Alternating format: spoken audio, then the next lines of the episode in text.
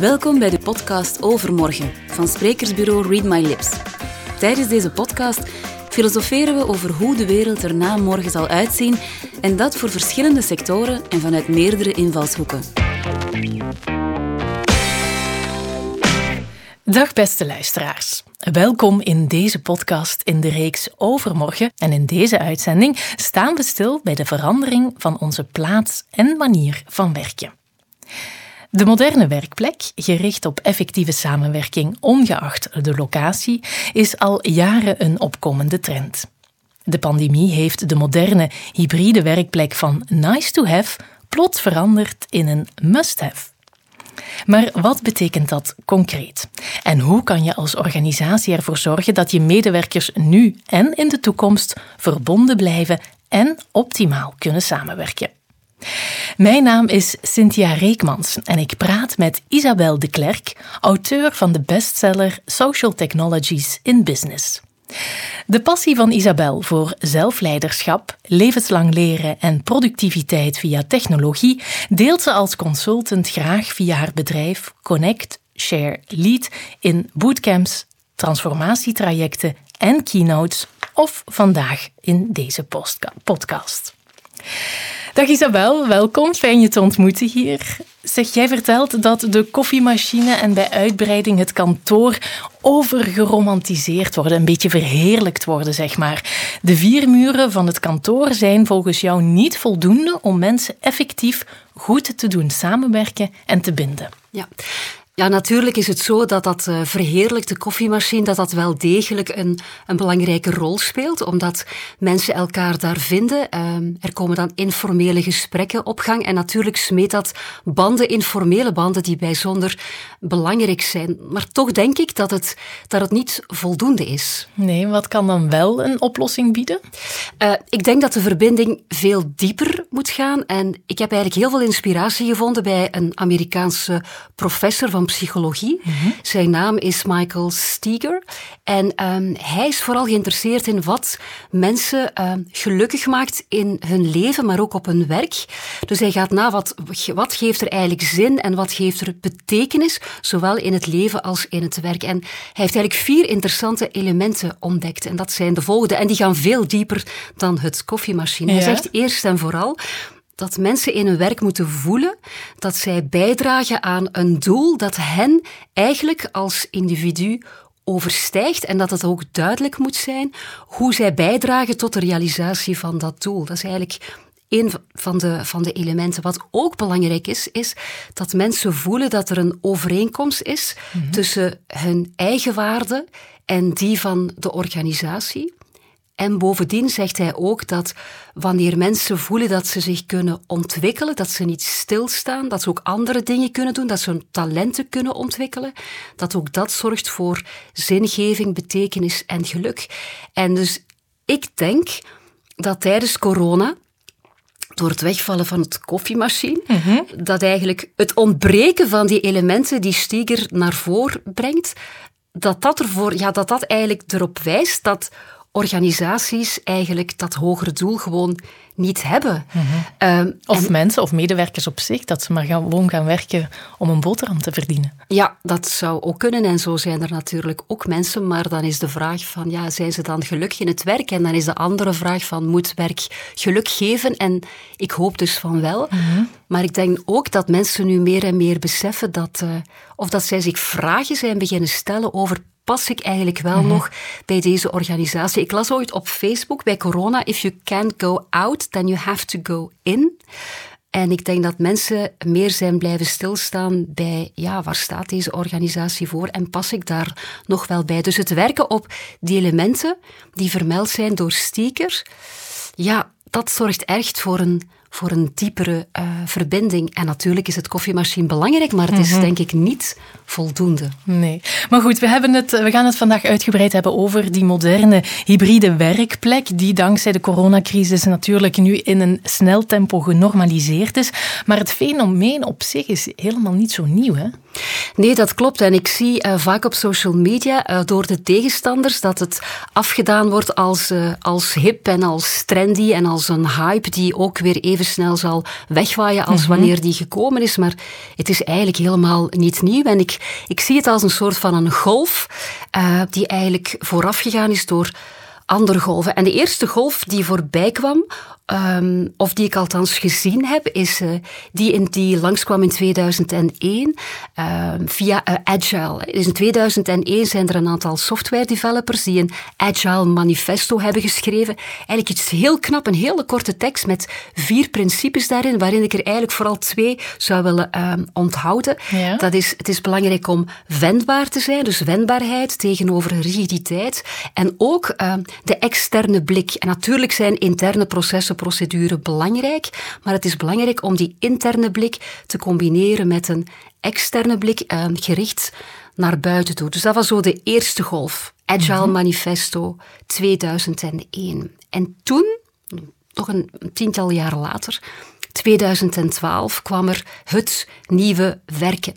Um, wat, daarvan, wat ik daarvan wil meenemen is eigenlijk het idee van thuiswerk, de mogelijkheid om thuis te werken, dus meer flexibiliteit. Mhm. Maar ook het idee van dat wanneer de mens aan het stuur staat van zijn eigen loopbaan, als zo een, een woord, een concept dat naar boven kwam in boeken, zoals bijvoorbeeld dat van Frank van Massenhoven, De collega's werken thuis. Dus hij zegt, als mensen aan het stuur staan van een loopbaan, dan leidt dat tot geluk en tot meer productiviteit. En wat ik daar leuk vind, is het idee van aan het stuur mogen staan en dan de combinatie, de link die gelekt wordt tot geluk, welzijn, maar ook meer productiviteit. Zo. Dus dat mens- en resultaatsgericht denken dat komt dan uh, naar boven, vind ik echt heel interessant. En wat ik zo leuk vind aan dat nieuwe werken was uh, het idee van empowerment van mensen.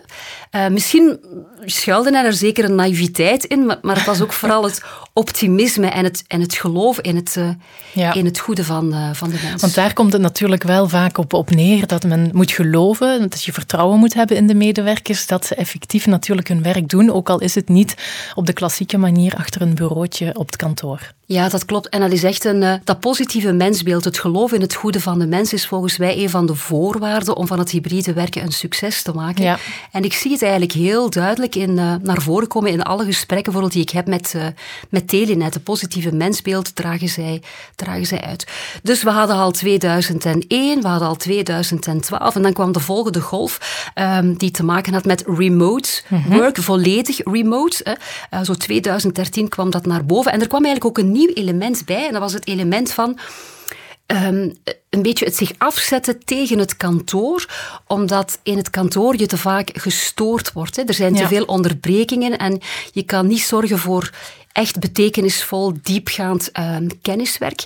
Er komt dan naar boven dat mensen de gelegenheid moeten hebben om te focussen. En het woord asynchroon samenwerken zie ik dan voor het eerst uh, naar boven komen. Ja. Dan een aantal jaren later en dat heeft dan uiteindelijk dan ook geleid tot het schrijven van mijn boek Social Technologies in Business 2016.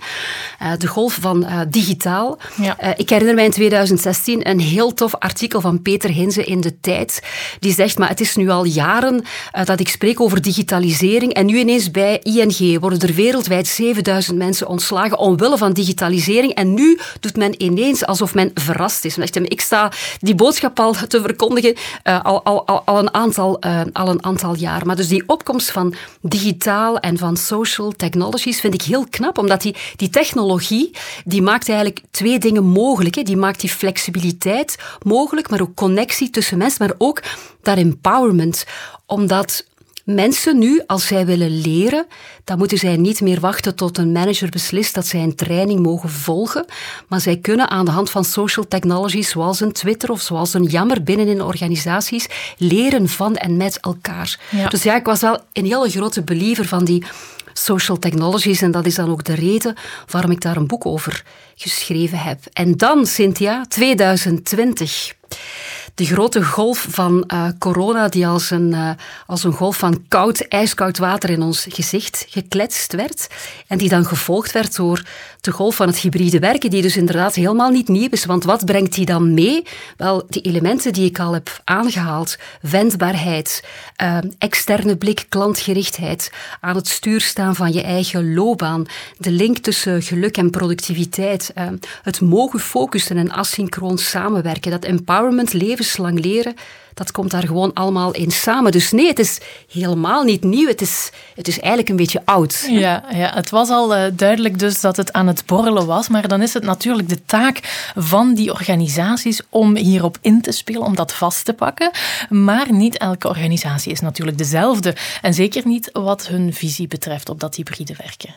Ja, dat klopt. En wat ik nu eigenlijk zie, is dat uh, vele organisaties, wellicht door de ijskoude golf die in hun gezicht is gekletst, dat die als het ware in een kramp gaan. Mhm. En uh, wat ik zie is dat zij nu proberen om dat hybride werken vast te leggen in een bepaald aantal dagen per week, dat mensen mogen thuiswerken. En natuurlijk begrijp ik dat dit een, een belangrijke vraag is, want dit heeft zijn consequenties op de infrastructuur, op de gebouwen. Het zijn heel belangrijke beslissingen.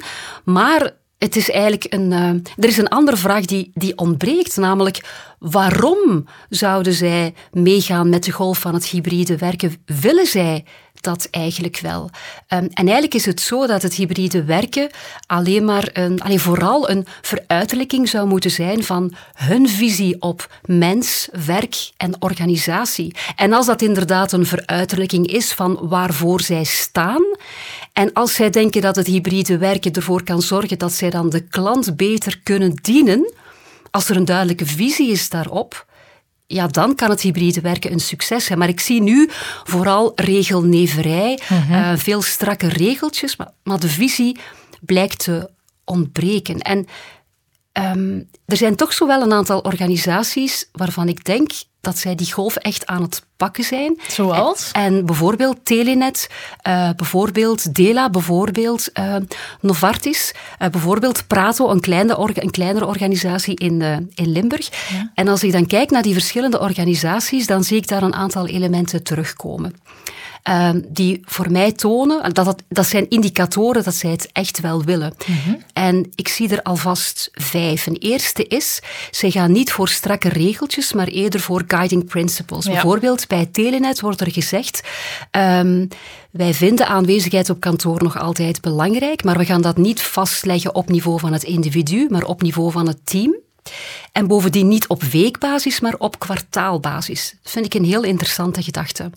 Een tweede indicator dat uh, ze het echt wel menen, is wanneer ze naar buiten komen met de boodschap van uh, the one size fits all, mm-hmm. wat altijd gewerkt heeft hè, in het verleden, dat werkt nu niet meer. Ten derde, en ook dat hoorde ik heel duidelijk bij Telenet, aan Kaluwaars bijvoorbeeld, zij zei, um, het is duidelijk dat wij allemaal zoekende zijn en dat is oké. Dus dit is een periode van transitie, van experimenteren. Experimenteren mag. En zij zei ook onlangs op LinkedIn, het zou dus wel kunnen zijn dat wij onze guiding principles moeten aanpassen. Maar dat is goed, hè? denk aan agile. Een vierde element is het mogen asynchroon samenwerken. En ten vijfde is het, uh, het toelaten van focustijd en zelfs het institutionaliseren van focustijd. Dus als ik die indicatoren hoor, of die elementen hoor bij organisaties, dan denk ik van ja, die willen er mhm. echt voor gaan. Maar het vraagt wel dus een, een echte mindset in, in, uh, ja, in het hoofd van, van heel wat organisaties, CEO's, die daar plots toch anders mee moeten gaan omgaan. Ja, dat is, dat is juist, maar dan zou ik ook durven, de vraag durven stellen: moet iedereen meesurfen op de golf van het hybride werken? Ik denk dat dat een belangrijke vraag is die eh, CEO's en organisaties zich nu kunnen stellen. Um, en het gaat dus eigenlijk wat dieper. Het, het, het laten eigenlijk nadenken over hun visie op mens, werk en organisatie. Maar misschien is dat wel eens een. Een fijne denkoefening. Ja, want ja, dan komen we natuurlijk weer terug op wat je daar straks al zei. Ook, het is ook een, een kwestie van loslaten, van vertrouwen. Uh, mensen de kans geven, maar ook andersom. De medewerkers gaan dat vertrouwen ook moeten verdienen naar hun werkgever toe. Ik weet niet of het, een, uh, of het loslaten is. Het klinkt eerder als connecteren op een andere manier. En daar zie ik heel veel kansen voor dat asynchrone samenwerken. Ehm, als je asynchroon samenwerkt, dat betekent dat je samenwerkt, maar dat je daarom niet gelijktijdig aan iets werkt. En dat is eigenlijk alleen maar mogelijk geworden omwille van die digitale uh, technologieën. En ik begrijp eigenlijk nu ook pas waarom ik zo zot was van die social technologies, zoals bijvoorbeeld LinkedIn. Het laat mij toe als kenniswerker om niet mee te gaan met de waan van de dag, om direct te moeten reageren, actie, actie, maar om even achteruit te gaan en de dingen te bestuderen en om meer in reflectie te gaan. in het Frans hebben ze daar een mooie uitdrukking voor, dat is de reculer pour mieux sauter. En ik denk dat kenniswerkers dat meer zouden zouden moeten doen.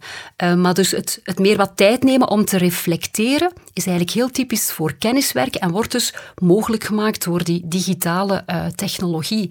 En dus wat mensen nu zouden moeten doen, trouwens, we kreunen allemaal onder die synchrone momenten van meetings, waar ja. te veel mensen samen zitten, die meetings die niet goed zijn voorbereid. Dus wat ik zeg aan, uh, aan, aan organisaties is eigenlijk het, het beter maken van die, moment, die synchrone momenten, het optimaliseren van die meetings dat is eigenlijk een, een fijne opstap, een heel concrete opstap naar het hybride werken. Omdat je van daaruit gaat naar van oké, wat kunnen we weghalen uit die synchrone momenten? En dan kom je als vanzelf naar uh, de agenda beter voorbereiden, informatie doornemen, het innemen van standpunten, het formuleren van standpunten, dat kan je er allemaal uithalen. En dan kom je als vanzelf naar dat asynchrone samenwerken. Dus, mm -hmm. En ik denk echt, dat dat asynchrone samenwerken als een soort van een pivoterend element is, een heel cruciaal element dat, uh, dat ervoor zorgt om, om, om, organisaties mee te krijgen in dat, uh, in dat hybride werken. En daarvoor zijn natuurlijk uh, tools nodig. En dan denk ja. ik aan OneNote, Microsoft Teams, um, maar ook aan LinkedIn. Want je hebt niet alleen kennisdeling binnen in de organisatie, verbinding binnen in de organisatie, maar ook verbinding naar buiten toe, wat weer wijst op een externe blik en, ja. en innovatie. Trouwens, over dat koffiemachine, Cynthia, daarvan wordt vaak gezegd dat het koffiemachine de plek is waaraan innovatie wordt gedaan. En ik denk dat soms het tegendeel waar is. Hè. Hoezo? Als je aan het koffiemachine staat, wie kom je dan tegen? Wel, collega's van je eigen organisatie. En vaak als je daar al een tijdje werkt, dan heeft iedereen ongeveer een beetje dezelfde ideeën. Dus je research en development aan het koffiemachine wordt wel heel uh, incestueus, ja. als ik dat woord mag gebruiken. Dus het is net leuker om naar buiten te gaan. Dus weer die externe blikken, klantgerichtheid. En ja. vandaar ben ik ook zo'n grote fan van LinkedIn, want het laat mij toe om gewoon vanuit mijn bureautje in Antwerpen toegang te hebben tot andere mensen uh, van andere organisaties, nieuwe inzichten, frisse ideeën van over de hele wereld. Dat ja. is toch fantastisch. Tuurlijk, dat is fantastisch. En als ik jouw verhaal hoor van dat synchroon en asynchroon, dan denk ik, ja, natuurlijk klinkt dat heel mooi in theorie, maar hoe zetten we dat dan om in de praktijk? Want ik voel de organisaties nu al ja, een beetje in paniek slaan als ze dat moeten klaarkrijgen. Want ja, je zit natuurlijk ook met de deadlines, met de dingen die klaar moeten krijgen. Als ze dan even achteruit gaan zitten om te reflecteren, dan vraag ik me af, ja, dat moet natuurlijk ook allemaal binnen een bepaald tijdslimiet gebeuren. Ja, uh, ik denk dat asynchroon werken, uh, dat dat tegelijkertijd vertragen en versnellen is. Um, ik denk dat als je kijkt naar de tijd die wij nu verliezen in die synchrone momenten, als we al eens eerlijk zouden zijn met onszelf, om te kijken naar wat we elke dag doen mm -hmm. en welke momenten daarbij um, echt gaan over wat ik dan noem high-value activities, de zogenaamde olifantentaken, waarmee we echt toegevoegde waarde creëren. Als we daar eerlijk zijn met onszelf, zou het wel eens tegen kunnen vallen. Ja. Dus ik vind het een hele fijne vraag. Asynchroon samenwerken kan alleen een succes zijn wanneer mensen verplicht worden om even stil te staan bij hun toegevoegde waarde. En dan kom je als vanzelf bij het topic van proactiviteit. En dan hoor ik mensen zeggen: ja, maar ik vind het net fijn om naar kantoor te gaan, om dat je dan gewoon, ja, er worden structuren opgelegd en ik doe mijn computer open en ik begin met e-mails uh, te beantwoorden, maar dan zit je in die modus van reactiviteit en het is makkelijker om je even te laten meeleiden door de golf, als we dat, die metafoor mogen doortrekken, door de golf die voorbij komt. Ja. Maar dan ben je eigenlijk bezig met het, uh, het behandelen van prioriteiten van andere mensen, sta je zelf niet aan het stuur. Ehm, ik ben nogal een, een grote fan van enkele boeken, niet allemaal, van Carl Newport. En in een van zijn laatste boeken, Digital Minimalism, zegt hij dat het bewuster omgaan met je tijd en ook met technologie, dat dat zorgt voor geluk. Ja. En ja, daar gaat het eigenlijk over. Dus je niet laten meesleuren door de waan van de dag, maar nadenken over waarmee creëer ik echt toegevoegde waarde, betekenisvol kenniswerk, daar tijd voor maken.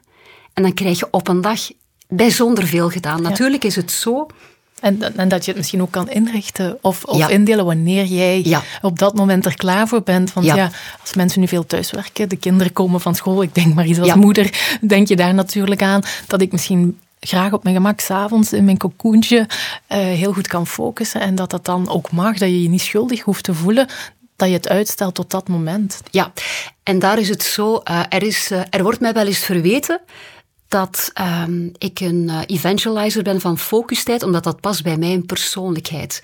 En uh, ik had onlangs een heel interessant gesprek met uh, iemand van Accenture en die zei, het is wetenschappelijk bewezen dat om gelukkig te zijn en vooral gezond te blijven, dat iedereen focustijd nodig heeft. Dus dat is punt nummer één. Ten tweede zei zij ook wel van iedereen richt het in op, op, een, ander, uh, op een andere manier. Dus voor jou bijvoorbeeld zou het s'avonds zijn en voor mij is het s'morgens. Mm -hmm. Tussen 9 en 11, dat zijn mijn twee favoriete uren uh, van focustijd, die ik vandaag wel niet heb kunnen, uh, kunnen reserveren. Ik moet ook, ook af en toe uh, flexibel zijn. Maar toch, het is voor mij wel de regel. En als ik kijk naar wat ik gedaan krijg in twee uur focustijd, ja. dat is gewoon fantastisch. En dat zorgt echt voor een lekker gevoel op het einde van de dag. Hè.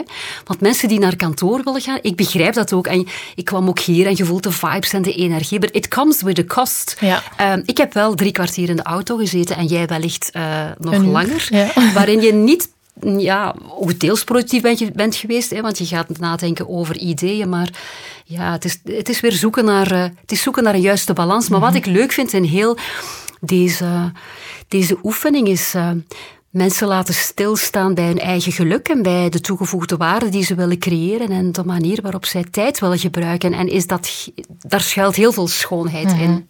Maar dan moeten we ook echt af van die 9-to-5 mentaliteit en eerder projectgericht of doelgericht. Uh, ja, ik vraag me dan af hoe gaan mensen daarmee omgaan als ze zeggen, ja, ik hoef niet meer elke dag van 9 tot 5 achter mijn bureautje te gaan zitten. Als het maar gedaan is, is het goed. Ja, dat vind ik een hele toffe vraag. En ik ben beginnen thuiswerken omdat dat mocht van Wolters Kluwer België in 2012. En toen dacht ik, oh, vrijheid is blijheid. En de ene dag ga ik beginnen om 8 uur uh, en de andere dag begin ik pas om 11 uur omdat ik daarvoor ga sporten. Ja. En wat bleek? Dat die flexibiliteit mij enorm veel stress gaf.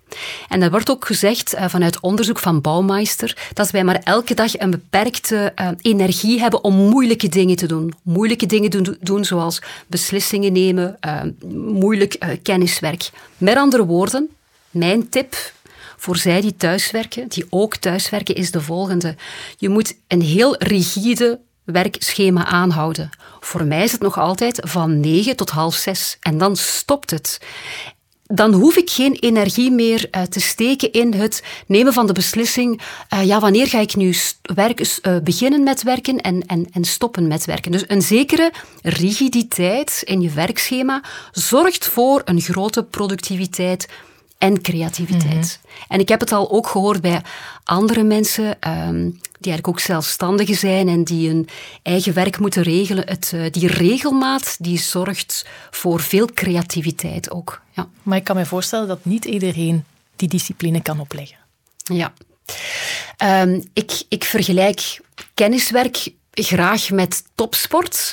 En topsporters, ja, die hebben veel discipline nodig. Mm -hmm. En ik denk dat het misschien wel iets is dat je jezelf kan, uh, kan aanleren. Maar misschien is het niet voor iedereen, dat klopt. En het is ook zo dat het hybride werken niet iedereen naar, naar huis stuurt, maar dat het misschien wel iedereen in zichzelf laat kijken en laat bepalen van, heb ik die discipline ja of nee? En als je die discipline niet hebt, um, en je vindt misschien werk niet zo belangrijk, dat, eh, dat kan, uh, dan ga je gewoon naar kantoor en laat je misschien wel meeleiden door de stroom. Hè. Mm -hmm. Frederik Anseer heeft, dat ooit eens, heeft daar ooit eens naar verwezen als aangeleerde hulpeloosheid.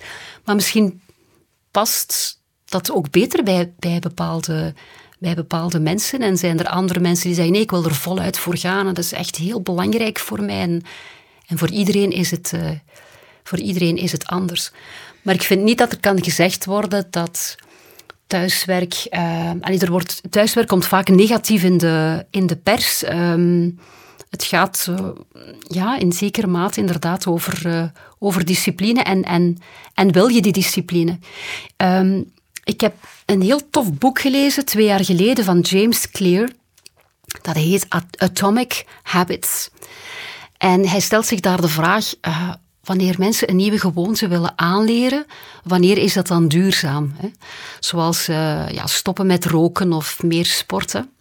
En hij zei: het is alleen maar duurzaam wanneer dat gedrag dat je nastreeft, dat dat een veruiterlijking is van wie jij wil zijn. Mm dus iemand die stopt met roken, het gaat niet over het stoppen met roken, het gaat om over het feit van ik wil een gezond iemand zijn en ik wil zorg dragen voor mijn lichaam. Ja. En als je vanuit die identiteit vertrekt, ja, dan zal je wel stoppen met roken. En ik heb mezelf ook de vraag gesteld van, ja, misschien welke soort van mensen werk je dan misschien graag thuis en Misschien zijn het dan diegenen die zeggen, ja, ik vind die focustijd belangrijk, ik, ik wil stilstaan bij die toegevoegde waarde. Uh, en dat levenslang leren, ik vind dat belangrijk, want ik wil niet afhangen van anderen die dat voor mij beslissen. Ik wil uh, zelfbeschikking. Hè. Uh, dus het heeft toch wel echt te maken met die zelfbeschikking. En die voor sommige mensen al belangrijker is dan voor anderen. Ja, dus uh, het wordt eigenlijk een heel individueel pro pro project, traject, uh, dat, dat de werkgevers moeten gaan bekijken per werknemer. Wie wil het zo, wie wil het zo. Voor hem gaan we nog een bureautje reserveren, voor die persoon toch maar niet. Um, Frederik Anseel heeft een aantal weken geleden een, een, een fijne tekst geschreven in de tijd. Um, en de titel was Het verraderlijke aan het hybride uh, werken. En ik was een beetje in mijn gat gebeten bij het lezen van die tekst, om, omdat, hij, omdat hij niet altijd zo positief uh, uh, daarover naar buiten kwam. Maar ja. het was wel een hele goede tekst. En die heeft ervoor gezorgd dat ik daarover verder heb nagedacht. Maar een van de dingen die hij zegt, waar ik het dan niet eens mee ben, is de volgende. Wat goed is voor voor het individu is niet goed voor het team. Mhm. Waarbij eigenlijk veronderstelt dat het hybride werken eigenlijk een zaak is van allemaal individuele keuzes en dat iedereen dan zijn gang maar moet gaan. Dat is het niet. Hè? Dat is het niet. Zoals ik daarnet zei, dat asynchroon samenwerken een soort van pivoterend element is, uh, is het team dat ook. En dan merk je ook in die, weet je nog, de guiding principle van Telenet. Het gaat over aanwezigheid op kantoor van het team, hè, niet van het individu.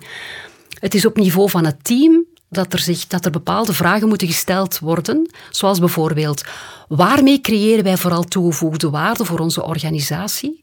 Ten tweede, hebben wij voor het bereiken van die taken um, proactief genoeg focustijd ingepland? Um, en dan een derde vraag is ook van hoe willen wij samenwerken? Synchroon, asynchroon. En dan dat synchrone, doen we dat dan digitaal of fysiek? En maar je merkt, de vraag, doen we het digitaal of fysiek? En, en gaan we dan naar kantoor of niet? Is voor, is voor mij maar een vraag die op het einde komt van, de, mhm. van de vragenlijst. Maar ik kom terug tot het team. Het zijn beslissingen die je neemt in, in overleg met het team. Dus er zullen individuele voorkeuren zijn, maar, maar die, die slaan niet door. Hè. Het is, het maar je is, toch je taak gedaan moet hebben eigenlijk. Ja, het is het, uh, het is het teamoverleg dat primeert over individuele voorkeur. Ten tweede staat een organisatie altijd in dienst van een klant. Dus je moet ook denken over wat heeft de klant nodig. Want sommige mensen zeggen tegen mij, ah, is asynchroon samenwerken, focustijd. Ah, dus uh, de klant uh, kan dan niet meer uh, geholpen worden. Zeg ik, nee, nee. Bereikbaarheid voor een klant is cruciaal, want daar gaat het over. Dat is de bestaansreden ja, van de organisatie. Dag, ja. ja. absoluut. Maar um, die bereikbaarheid moet geregeld worden, niet op niveau van het individu, maar weer op niveau van het team. Ja.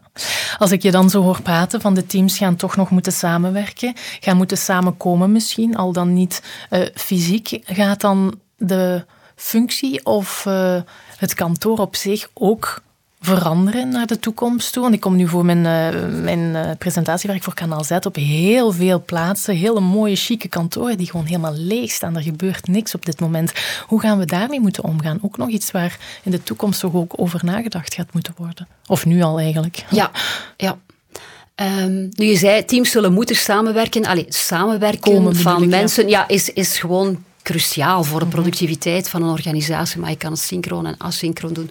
Trouwens, uh, Danielle Glacé, een heel interessante persoon van uh, organisatie AE, die zei tegen mij, ja, zegt ze, uh, er wordt altijd gezegd, asynchroon is thuis en synchroon is het kantoor. Zegt ze, maar dat klopt niet. Want ook op kantoor kan je gefocust asynchroon samenwerken. hè? Mhm. Wanneer daar natuurlijk kantoren zijn voor voorzien. Ik vond dat een heel interessant idee. Dus die kreet van uh, het, kan, de, het, kantoor als ontmoetingsplaats, als uh, Starbucks-omgeving. Uh, Ik heb het daar wat moeilijk mee, omdat um, er ook nog kantoren moeten voorzien worden, plaats moet voorzien voor, worden voor dat asynchroon samenwerken, voor individueel uh, focuswerk. Want uh, ik heb nu het geluk dat ik thuis een huis heb met een eigen bureau, dat mijn kinderen ook al groter zijn. Ik hoef daar niet meer zoveel tijd in te steken, maar dat is niet het geval van iedereen. Sommige mensen zijn uh, krap behuisd en hebben heel veel jonge kinderen en dan gaat het thuis niet. En ik vind dat het kantoor daar dan ook nog altijd ja, plaats voor moet uh, voorzien. Dus het kantoor als ontmoetingsplaats, en het kantoor is ook een ontmoetingsplaats, een fysieke ontmoetingsplaats. Ja, ik hoor heel veel uh, criticasters ook zeggen, ja, nu wordt het zo een beetje het, uh, van we moeten alleen maar gezonde en gelukkige werknemers ah. hebben. Het werk komt dan daarna wel op de mm. tweede plaats. Wat blijft mm. het belangrijkste eigenlijk? Um, Frank van Massenhoven heeft in dat boek, hè, de collega's werken thuis, een link gerecht tussen ja, mensgericht en resultaatsgericht uh, denken. En ik denk dat uh, werk wordt vaak naar voren geschoven als iets dat vervelend is. Uh, Maar ik denk dat werk is iets wat ons gelukkig kan maken. En dan kom ik terug tot die Amerikaanse professor psychologie. Uh, die zegt dus wat geeft uh, geluk in het, in het leven en, en, en in het werk is dat je jezelf kan ontwikkelen en dat je bijdraagt tot een hoger doel. Is het, zou het geen triestige zaak zijn dat werk waarmee je bezig bent, dus, dus tussen 9 en 5, dat zijn wel een heel aantal uren per dag, dat jou dat ongelukkig maakt?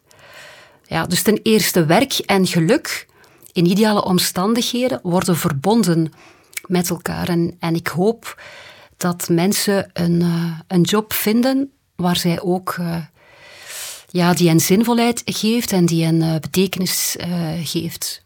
Is dat ook jouw gouden raad aan de bedrijven tot slot? Mijn gouden raad zou zijn, ja, bezint eer je begint. Hè. Is dat de vraag van, wil je dat eigenlijk wel, dat hybride werken? En dat leidt als vanzelf naar de diepere vraag van waar sta jij voor als organisatie? Um, hoe wil jij je klant dienen en wat is jouw visie op mens uh, en organisatie? -hmm. Trouwens, je bent in actie geschoten nu. Je gaat er uh, over dit thema ook uh, een boek uitbrengen. Ja, dat klopt. Um, het, ja, het, was eigenlijk al langer al uh, aan het broeden in mijn, in mijn hoofd. Dus er komt een, een boekje uit.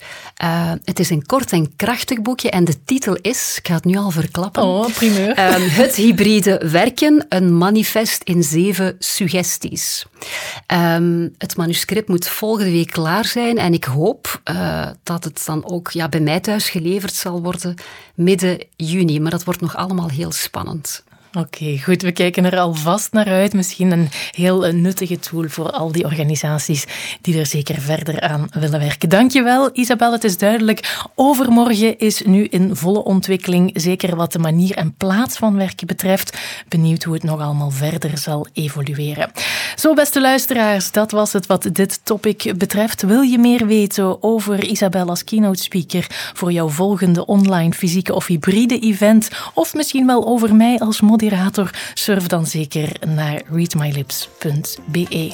Dankjewel voor het luisteren en heel graag tot later. Beluister alle podcasts van Overmorgen op Soundcloud of Spotify.